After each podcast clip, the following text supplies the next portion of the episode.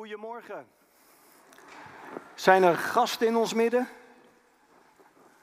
Allemaal handen, hartstikke leuk. Jullie zijn aan het einde gekomen van een serie. Dus als jullie de afgelopen twee weken er niet bij waren, dan moet je gewoon even naar de YouTube-kanaal van de Evangeliegemeente. En dan kun je de andere twee bekijken. Want ik ga de drie luik afsluiten. Voordat ik uh, verder ga, wil ik eigenlijk toch uh, bidden met elkaar. Vader God, dank u wel dat u hier in ons midden bent. Want u hebt beloofd, waar twee of drie vergaderd zijn in uw naam, daar bent u in het midden. En ik geloof dat u met een glimlach deze ochtend hier aanwezig bent. Met die kinderen die vol van u zijn. Met ons. Heer, we zijn gebroken mensen, maar we houden van u. En we willen u eren en prijzen, Heer. We willen u aanbidden naar waarheid en geest. En dank u wel dat u hier aanwezig bent, in Jezus' naam. Zegen deze woordverkondiging, wat ik mag zeggen, in Jezus' naam. Amen. Ja, Heartfelt Mission. Helemaal goed, hij staat erop. Ik mocht twee weken geleden de eerste doen over Heart Impact. En ik heb het gehad over die opdracht. En die opdracht was niet gaan, maar al reizende discipelen maken. En hoe staan wij daarin? En gaan wij discipelen maken? Ik had het ook over het woord, over Jezus Christus. En dan kan ik heel stiekem heel snel naar voren gaan zo. En dan weet u deze wel. Het woord is Jezus Christus. En hoe enthousiast zijn wij over het woord, over Jezus Christus. Toch? Jee, ah, kijk, sommigen beginnen het te snappen. Het kost wat tijd. En toen heeft Laura, mijn dochter, gesproken met de titel Hard Stories. En zij legde de nadruk op het vertellen van je verhaal, van authentiek je eigen verhaal doorgeven aan anderen. En het hoeft niet perfect te zijn. Als je maar eerlijk en oprecht je verhaal kan vertellen. Hij, ze gebruikte daarvoor het verhaal van de Samaritaanse vrouw. Wie was Jezus voor haar? Wie was Jezus? En hoe hij tot haar sprak. En dat zij het door ging vertellen aan andere mensen in het dorp. En ze had niet alle antwoorden. Ze had niet alle antwoorden op al die vragen. Maar wat ze wist, dat gaf ze door. En dat was haar aanmoediging om dat te gaan doen. Ons verhaal, niet perfect, is ook goed door te geven. Onze ervaring met Jezus. Want Jezus, ja, daar gaat het over. En ik ga het hebben over hard choices. Keuzes van het hart. En in de loop van de preek wordt dat wel duidelijk, wat, waar we mee, wat we gaan zeggen daarover.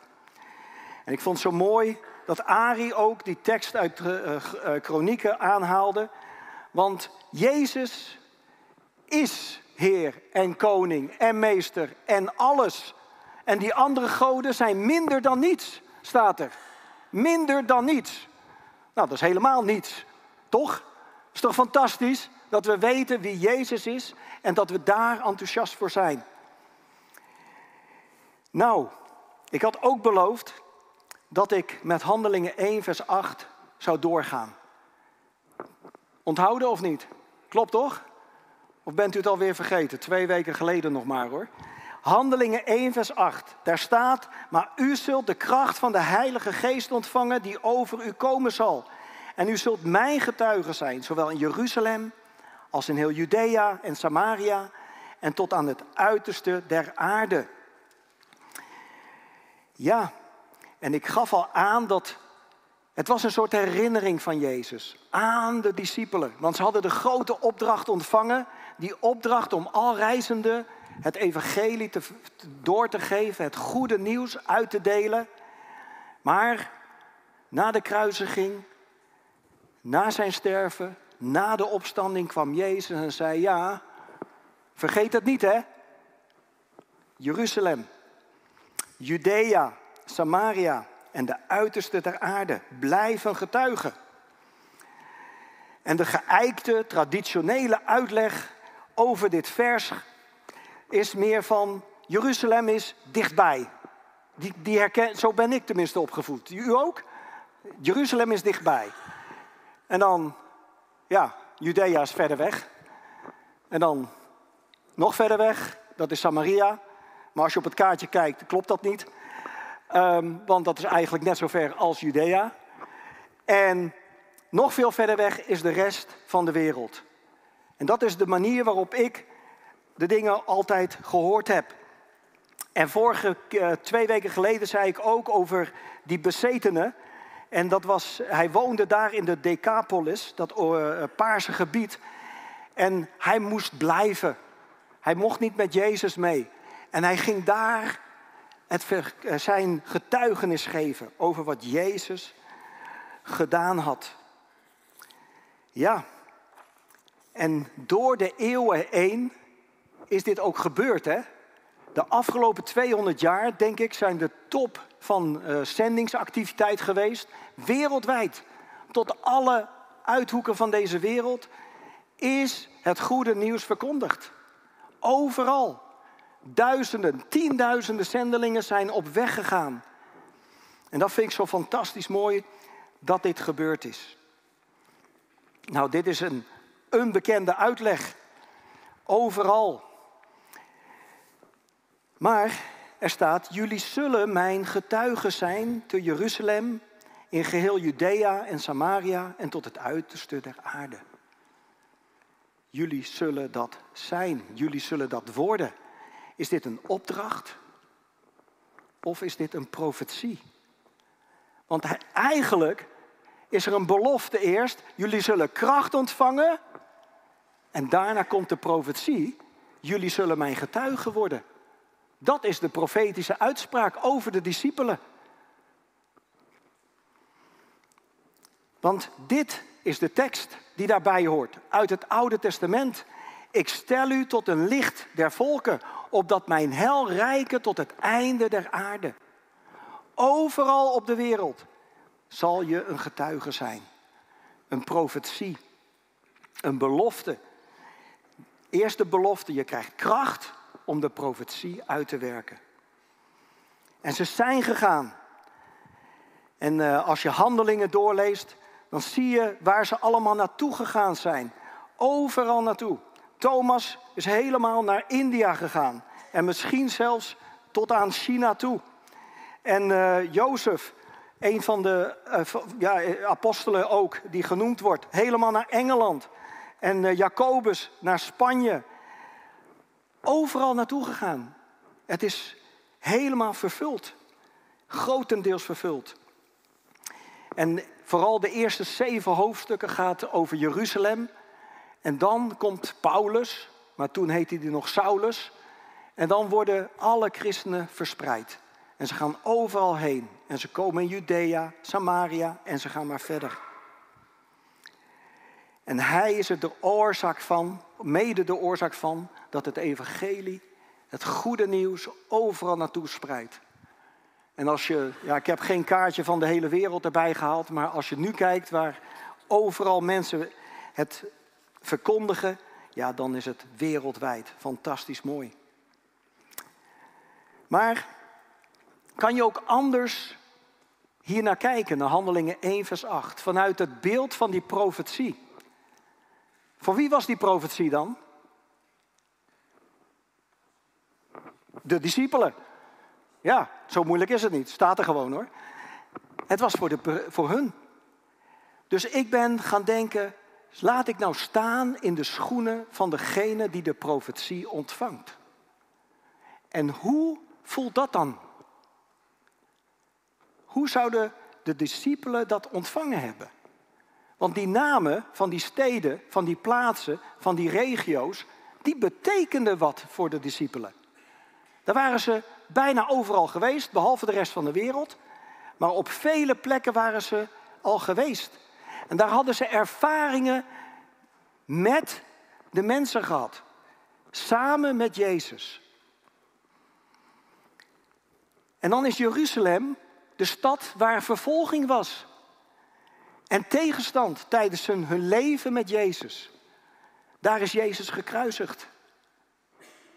Daar is hij vervolgd. Dus, wow, wacht even. Wij moeten in Jeruzalem getuigen zijn. Dat betekende wat voor de discipelen. Die keken heel anders naar Jeruzalem dan u en ik, denk ik, op dat moment. En in Handelingen 8, e- vers 1 kwam die vervolging ook volledig, ja, gebeurde dat. Judea. Wat weten we daarvan? Jezus trok op met de discipelen door heel Judea. En daar was verwerping en uitdaging. Hij werd daar niet met zo, nou komt u maar binnen, fijn dat Jezus er is. Nee, zijn broers en zussen, zijn ouders, wat moesten we ze met hem? wat moesten ze met Jezus? In Nazareth, die man, die timmerman, wat moesten ze met hem? Daar was verwerping, daar was uitdaging. En dan heb je Samaria. Spanning en geloof. De spanning tussen de Joden en de Samaritanen. Maar het was wel de plek waar ze heel veel geloof hebben gezien. Veel mensen kwamen daar tot geloof. En dat kaartje, dat is misschien uh, tekenend.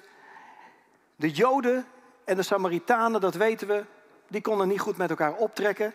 Dus de rode route, die namen de Joden altijd zo ver mogelijk van de Samaritaanse gebied vandaan om bij Galilea in het noorden te komen. Maar Jezus nam de weg eh, gewoon er doorheen, de witte weg. En dat leidt ook op een gegeven moment tot dat verhaal en die ervaring van de Samaritaanse vrouw. Ja, dat was geloof en spanning. Onbehagelijk en ongemakkelijk tegelijkertijd daar tussen die Samaritanen. En dan heb je de rest van de wereld. En als je op dat moment in de, in in de, voeten, in de schoenen staat, sandalen waarschijnlijk, sandalen van de discipelen stond en je dacht aan de rest van de wereld, nou dan betekende dat vervreemding, verhuizing, verlaten, heel ver weg. Kijk, ik vlieg vanmiddag om drie uur naar Egypte en dan ben ik daar vanavond om half negen. Appeltje eitje, zo zegt Hans dat. Hans van Soest zegt altijd appeltje eitje. Ja, maar voor een, als ik daar te voet naartoe moest, of met een ezel, ja, dan zie ik u voorlopig niet meer terug. De rest van de wereld, die profetie, dat was vervreemding, verhuizing, verlaten. Het kostte wat. En daar, ja, dat was een bemoedigende profetie. Toch? Oh, sommige mensen niet. Het is toch heel bemoedigend dat Jezus tegen je zegt: Je komt uit je comfortzone. Je gaat het ongemakkelijk krijgen en onbehagelijk. Nou, de meeste profeten van vandaag, de moderne profeten, die zijn bemoedigend. Nou, ik vind het gewoon bemoedigen. Mensen die bemoedigen, het zijn geen profeten. De meeste profetieën in de Bijbel zijn niet prettig. Heeft u daar wel eens op gelet? Het gaat over hongersnood, het gaat over strijd, het gaat over als je dit niet doet, dan gaat dat gebeuren. En de moderne profeten die komen met mooie verhalen. Even ertussendoor. Uit je comfortzone gehaald. Dat is wat Jezus hun vertelt. Het is een flinke uitdaging. Maar hij had ze wel op deze realiteit voorbereid. Want door die hele periode dat ze met Jezus wandelden, drie jaar lang, hadden ze gezien wat het betekende. Maar Jezus heeft ze voorbereid. En daarvoor hebben we Johannes 15 als tekst voor deze ochtend. En die ga ik voorlezen. Johannes 15. En als u een Bijbel hebt, nou, die hebt u waarschijnlijk wel, maar heeft u die meegenomen? Dan kunt u met mij lezen samen, want ik heb hem niet op de beamer, dacht ik, staan. Ja, dit wel.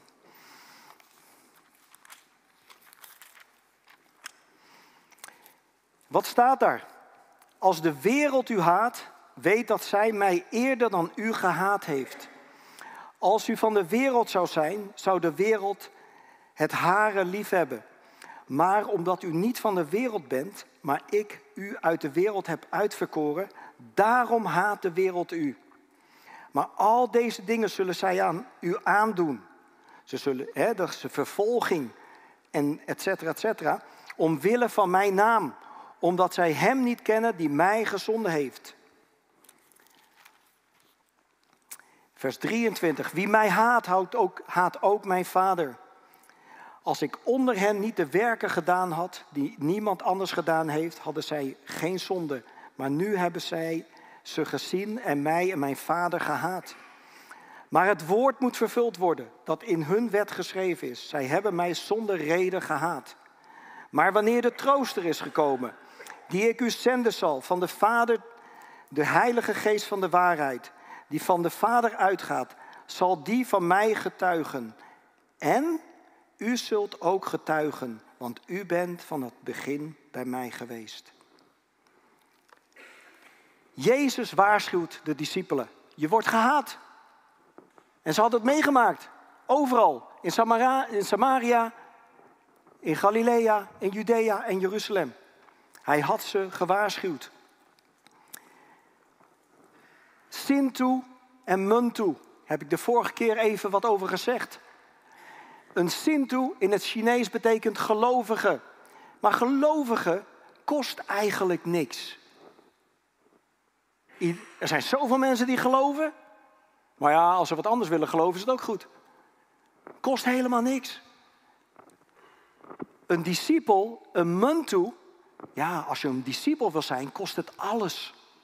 Dan moet je alles opnieuw bekijken door de bril van Jezus, door het woord van God. Dan ga je anders naar je geld kijken, anders naar je tijd, anders naar je leven, naar je carrière. Al die dingen gaan anders worden. Maar een discipel krijgt het niet makkelijk. Een discipel is een getuige en daardoor kan het tegenstand opwekken. Want de kans is groot dat mensen de boodschap niet accepteren. Dat ze jouw getuigenis niet accepteren. En Jezus heeft het ons voor laten leven. Hij heeft het leven voor ons geleefd en we weten dat. En de discipelen hebben het meegemaakt. Maar zij zijn doorgegaan. Ja. En Paulus was diegene die begon gepassioneerd om de christenen in Jeruzalem te vervolgen. En later komt hij tot bekering. En dan verandert er van alles. Maar het is die Paulus die ook schrijft dat hij schrijft dat wij een aroma zijn tot het leven of een aroma tot de dood. De geur van Christus. Maar hij zegt niet, Jezus is dat. Nee, jullie zijn het aroma tot leven. En jullie zijn tegelijkertijd het aroma tot de dood. Dat is best wel vervelend, toch? Dat je aroma tot de dood bent, of niet? Heeft u daar wel eens over nagedacht? Dat wij genoemd worden aroma tot de dood. Dat is niet prettig. Helemaal niet prettig. Maar de waarheid is, niet iedereen komt tot geloof. Niet iedereen zal Jezus accepteren. Maar daar moeten we ons niet van af laten schrikken. We moeten doorgaan. We moeten doorgaan met het aroma tot leven door te geven. En dan uh, is de realiteit dat niet iedereen tot geloof komt. Dat is eigenlijk niks bijzonders, want als je leest in de Bijbel, dan zie je heel veel scharen volgden Jezus. En als Jezus dan echt mensen gaat uitdagen over discipelschap, dan zie je die grote groep steeds kleiner worden. Ik weet niet of u het op. Jezus was niet zo enthousiast over grote scharen hoor. Hij was enthousiast over kwaliteit. Over mensen die echt gehoorzaam waren aan Jezus. Die bleven hem volgen. En die hebben wat uitgewerkt wereldwijd. Ik moet denken aan een situatie in China. Nou, we hebben natuurlijk nu die grote verschrikkelijke aardbeving in Turkije, in Syrië.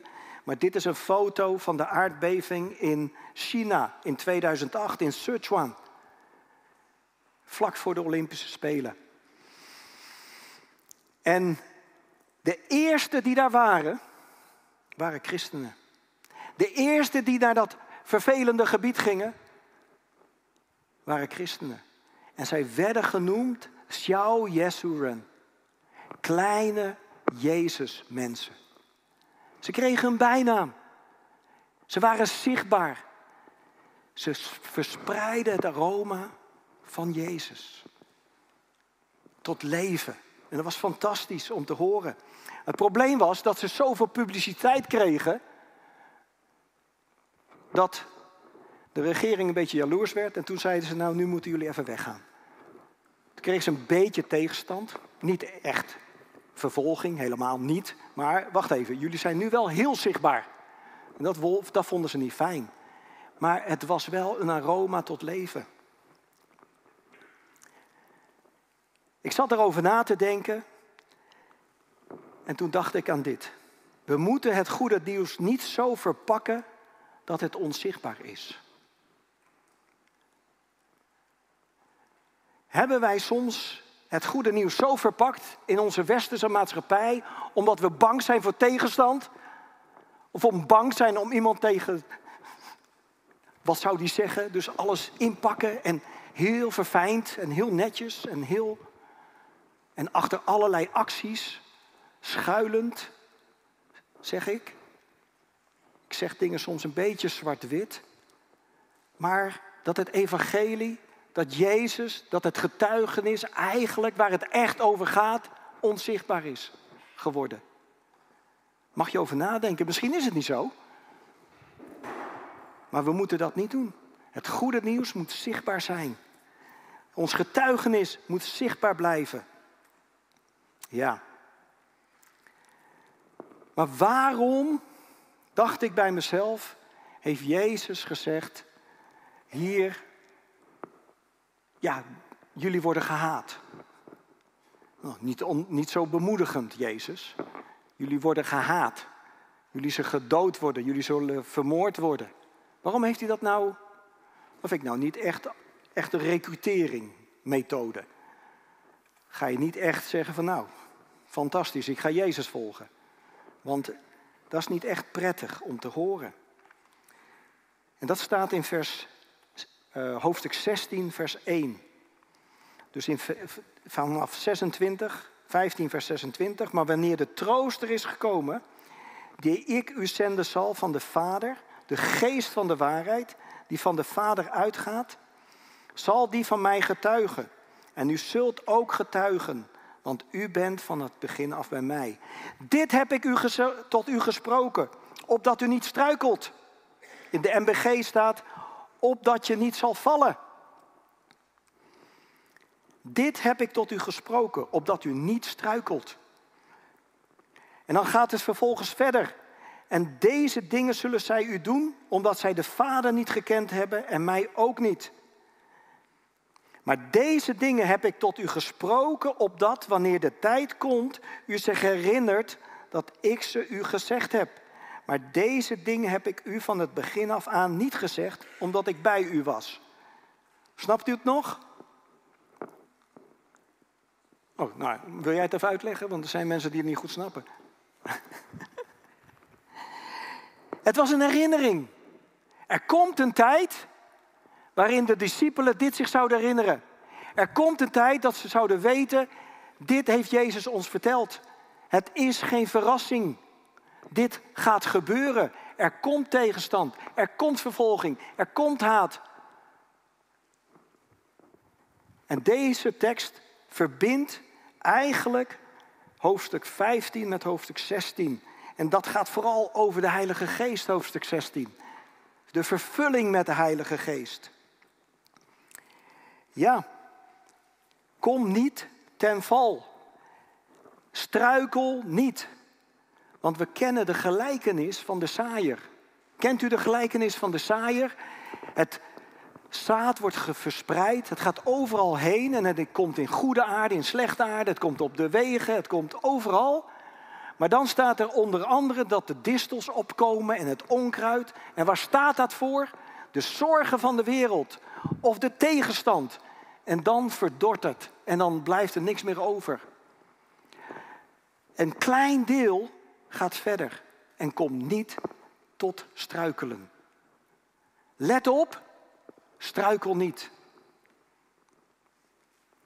Want als je tegenstand hebt, maar je staat niet stevig in je geloof, dan ga je twijfelen. Ben ik wel goed bezig? Oeh, al die buren, al die mensen, al die tegen me zijn of tegen voelen. En dan kan je je geloof kwijtraken of water in de wijn doen. Nee, niet vallen, niet struikelen. Blijf mij trouw. En dan denk ik ook aan dat woord wat daarbij hoort. Wie weet wat emunach betekent? Er zitten hier wat theologen onder ons. Nou, ja, nou, het woord, dat woord is geloof in het Hebreeuws. Als u het opzoekt in de Bijbel, studiebijbel, onder andere, studiebijbel online, hartelijk aanbevolen.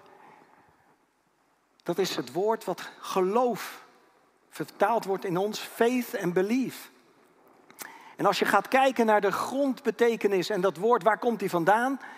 Dan komt het te staan zekerheid, veiligheid, vastheid, onbewegelijk, betrouwbaar, trouw.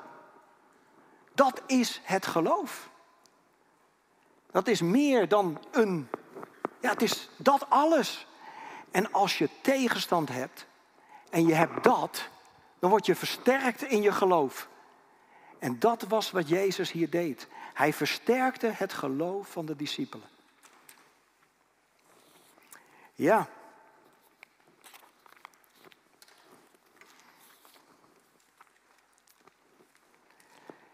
Gelukkig is een realiteit dat we niet er alleen voor staan. Want de trooster, de Heilige Geest, die zal met ons zijn. En als we kijken, en dat vind ik wel bijzonder, getuigen zijn van Jezus Christus wordt steeds weer in verband gebracht met de Heilige Geest. Er zijn heel veel teksten in de Bijbel. En dan hebben ze het over getuigen zijn en gelijktijdig over de Heilige Geest.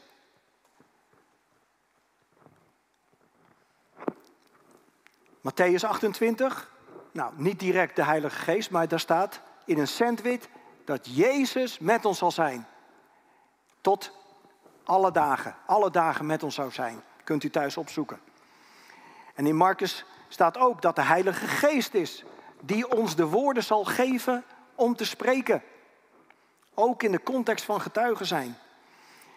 En in Handelingen 6 zoek mensen die vol van de geest zijn en getuigen van, van Jezus. En de Handelingen 1 vers 8. Jullie zullen kracht ontvangen om getuigen te zijn. En dan de trooster, de Heilige Geest. Staat er in Johannes 15. Maar zoals ik opgevoed ben, goed christelijk, goed evangelisch, werd mij nooit verteld dat, dat, dat de Heilige Geest was om te getuigen. Het was voor de vruchten van de Heilige Geest. Om jezelf krachtig in Jezus te staan en te groeien als christen, toch? Nee, bijna al die teksten gaat over getuigen zijn. Kracht om uit te stappen en een getuige te zijn van Jezus. Ja. Heel veel teksten. Ja, en natuurlijk is het ook zo dat er wonderen gebeuren. En dat de door de Heilige Geest er gaven zijn. En dat door de Heilige Geest er genezing is en wonderen. En dan ga ik naar Marcus 16. En daar staat: Ga heen in heel de wereld, predik het evangelie, het goede nieuws aan alle mensen. Nou, en dan komt er een heel verhaal wat er allemaal aan wonderen gebeurt daar, hè? Weet u dat nog? demonen uitdrijven. Ze zullen slangen oppakken en niet doodgaan en zieken genezen en ze zullen gezond worden. En dan kom je bij vers 20, maar zij gingen overal heen om te prediken. En de Heere werkte mee en bevestigde het woord door de tekenen die erop volgden. Dus eerst getuigen zijn. Eerst prediken. En dan volgen die wonderen. En soms denk ik, waarom hebben wij niet zoveel wonderen hier? Zou het kunnen zijn dat wij niet aan het getuigen zijn? Genoeg. Waardoor Jezus zegt, kijk, geloof je niet? Wondertje erbij. Nou, nu is het rond hè? Nou, mooi niet hè? Want er waren vele scharen die Jezus volgden om de wonderen en tekenen en uiteindelijk volgden ze hem niet. Getuigen zijn en het komt met wonderen, maar uiteindelijk zijn het hartskeuzes. Keuzes van het hart, van ons en van elk persoon. En dat doet me denken aan wat vorige week Laura vertelde. Zij vertelde dat, dat, dat, dat ze gekozen had voor Jezus. Weet u dat verhaal nog? En dat Petra, daar herken ik alles in hoe ze dat vertelde, want Petra is gewoon, nou, zuiver, alles goed op een rijtje. En toen zei ze, nou, het kost je wat hoor. Het is voor het leven om Jezus te volgen. Het is niet zomaar wat, het gaat je wat kosten. Was duidelijk, helder verhaal. Het kost wat om Jezus te volgen. Overal gaat de Heilige Geest met je mee. Om een getuige te zijn van Jezus. En dan worden wij zichtbaar en tastbaar. Want wij zijn de tempel van de Heilige Geest. De tempel van de Heilige Geest. Om te getuigen. Vol van Gods Geest. Om te getuigen. En dat is dus ook het doel van de Heilige Geest. Als je in Johannes leest, als je overal leest over de Heilige Geest, onder andere, de Vader zond de Heilige Geest om ons krachtige getuigen te maken. Dat hebben we al gelezen. Maar ook, hij zond de Geest om te overtuigen van zonde en gerechtigheid. Johannes 14 en 15. Moeten we niet vergeten. Hij overtuigt. Wij getuigen. We hoeven niet in discussies te gaan. We hoeven niet alle perfecte antwoorden te hebben. Maar we moeten wel vertrouwen op God en de Heilige Geest in ons. Dat het zichtbaar wordt en tastbaar. Toen ik met deze preek bezig was, dacht ik, wij zijn niet perfect. En wij hoeven niet perfect te zijn om een getuige te zijn.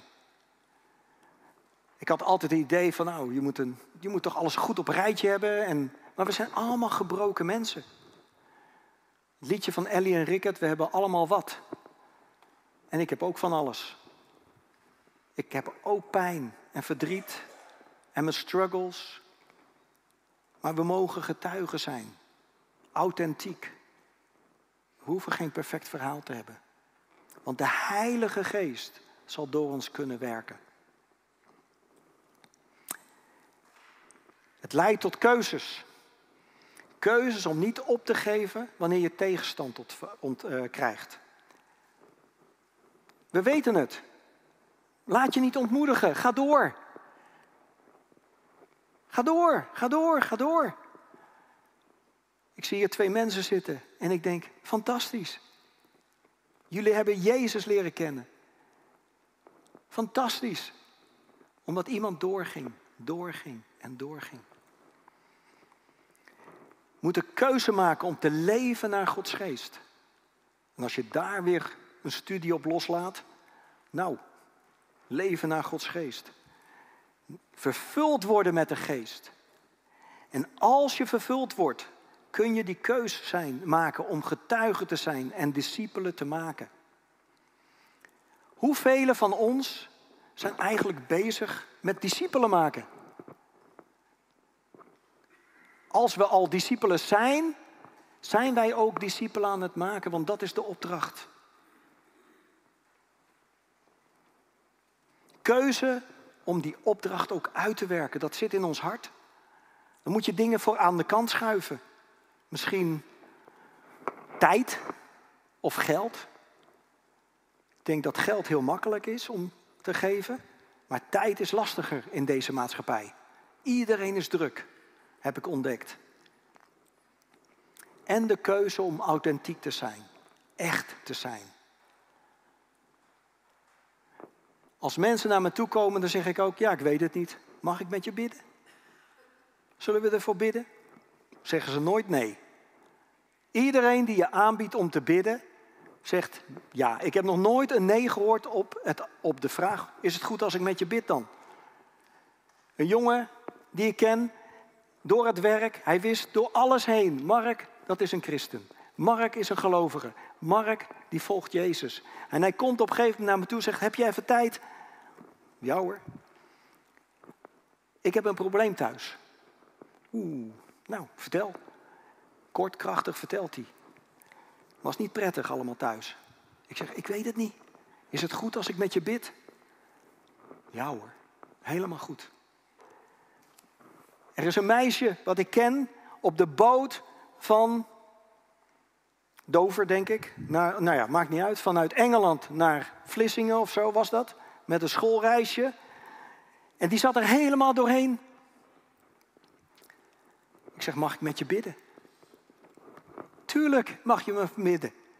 Ik kom haar tientallen jaren later tegen in de trein naar Ede. En ze zegt, Mark. Ik zeg, hoi. Ik kende haar niet, ik zag haar niet. Ik, wie, wie is dat nou? En zegt, Mark, ik heb Jezus leren kennen. Je mag met mensen bidden. Het is zo makkelijk eigenlijk. Als je het in de kracht van de geest doet. Als je vertrouwt op God en daarmee aan de slag gaat. Ja, keuzes van ons hart. Daar gaat het wel om. Arie vroeg mij, ga je een uitnodiging doen? En ik zei, nee, ik ga geen uitnodiging doen. Ik ben niet zo van de uitnodigingen. Dat heb ik hem niet verteld. Maar ja, ik weet niet hoeveel uur later zei ik, Arie, uitnodiging. Maar niet dat u gewoon hier allemaal naar voren komt. Niet emotie. Nee, keuzes van uw hart, van mijn hart. Wil ik nog die keuzes maken? Maar wat staat er in de weg misschien om die keuzes te maken? Of misschien dat je zegt, ja, maar ik wil die vervulling met de Heilige Geest. Dan misschien nog nooit iemand voor jou gebeden om vervuld te zijn met de Heilige Geest. Of hervulling te hebben. Of dat je zegt, ja, ik heb geen geloofzekerheid. Die woorden daarin net, zekerheid, vastheid. Oeh, ik twijfel zo altijd. Ik wil meer geloofzekerheid. Of vrijmoedigheid om een getuige te zijn. Omdat je al zo vaak ja, een negatief iets hebt meegemaakt. Of misschien is er iets anders waar je vandaag mee gekomen bent. En dat heeft helemaal niet met dit thema te maken. Dan wil ik je uitnodigen voor een gesprek en een gebed. En of gebed, misschien is een gesprek ook oké. Of een gebed alleen voldoende. Maar dat mag na de dienst, aan het eind, na de zegen, na het einde. Arie zal dat wel aangeven straks. En dan mag je hier komen. En als je dat niet nodig hebt, dan wil ik vragen of je je ogen open houdt. En misschien naar iemand toe kan stappen en zeggen: Hé, hey, mag ik met jou praten? Mag ik met jou bidden? Zodat we elkaar helpen in deze uitnodiging om Jezus te ontmoeten. En als het hier niet gebeurt, in de kringen. Ik ben heel erg bemoedigd door de alle vragen die we gekregen hebben. Uh, sorry, de, de, de reacties op de vragen die we gekregen hebben. Ik hoorde van allerlei mensen, oh, we hebben die vragen meegenomen in de kring. En het was goed, het was fijn om te doen. Nou, dat is fijn om te horen, was bemoedigend voor ons ook. Voor Laura en voor mij. Maar ga daar voor elkaar bidden. Misschien voor de doop met de Heilige Geest. Misschien voor vrijmoedigheid om getuige te zijn. Wees met elkaar hiermee bezig. Vanuit de oudste raad wil ik u, heb ik ook op de gemeenteavond gedeeld. Wij willen gaan en getuigen. We hebben team sending. En uh, dat is ver weg. Over grenzen heen. Maar we willen ook bezig zijn met een team outreach. Iets dichterbij. Heel dichtbij. En misschien heb je een hart voor Christus. Ben je vervuld met de Heilige Geest na vandaag. Discipel van Jezus, dat wil je zijn. Je wil bouwen aan Gods koninkrijk. Je wil toegewijd zijn. Dat staat, zingen we ook vaak in liederen. Wil je meedenken, meebouwen, meewerken en uitwerken van getuigen zijn? Stuur ons dan een e-mail. En rondom een aantal mensen willen we een team bouwen voor outreach. Om elkaar te helpen en te bemoedigen. In het najaar willen we workshops houden over getuigen zijn. Hoe breng je een gesprek verder dan wat vaak gebeurt? Oké, het is goed voor jou, leuk voor jou, maar. En dan willen we over nadenken en tools aanreiken om te kijken hoe we daarmee verder kunnen als gemeente. Nou, dit was het voor vandaag. Neem het mee. Henk zei tegen mij, het was wel een studiepreek, Mark, vorige twee weken terug. En ik snapte niet wat hij zei, hè. Eerst, Henk, ik wist niet, studiepreek, wat bedoel je nou met een studiepreek? Maar ik weet hem nu. Ik had zoveel bijbelteksten dat jij thuis weer moest studeren en kijken van wat heeft hij nou allemaal gezegd. Nou, vandaag heb je weer een studiepreek. Kan je week vullen, Henk. Ik hoop dat wij een gemeente zullen zijn van gaan en getuigen. Amen.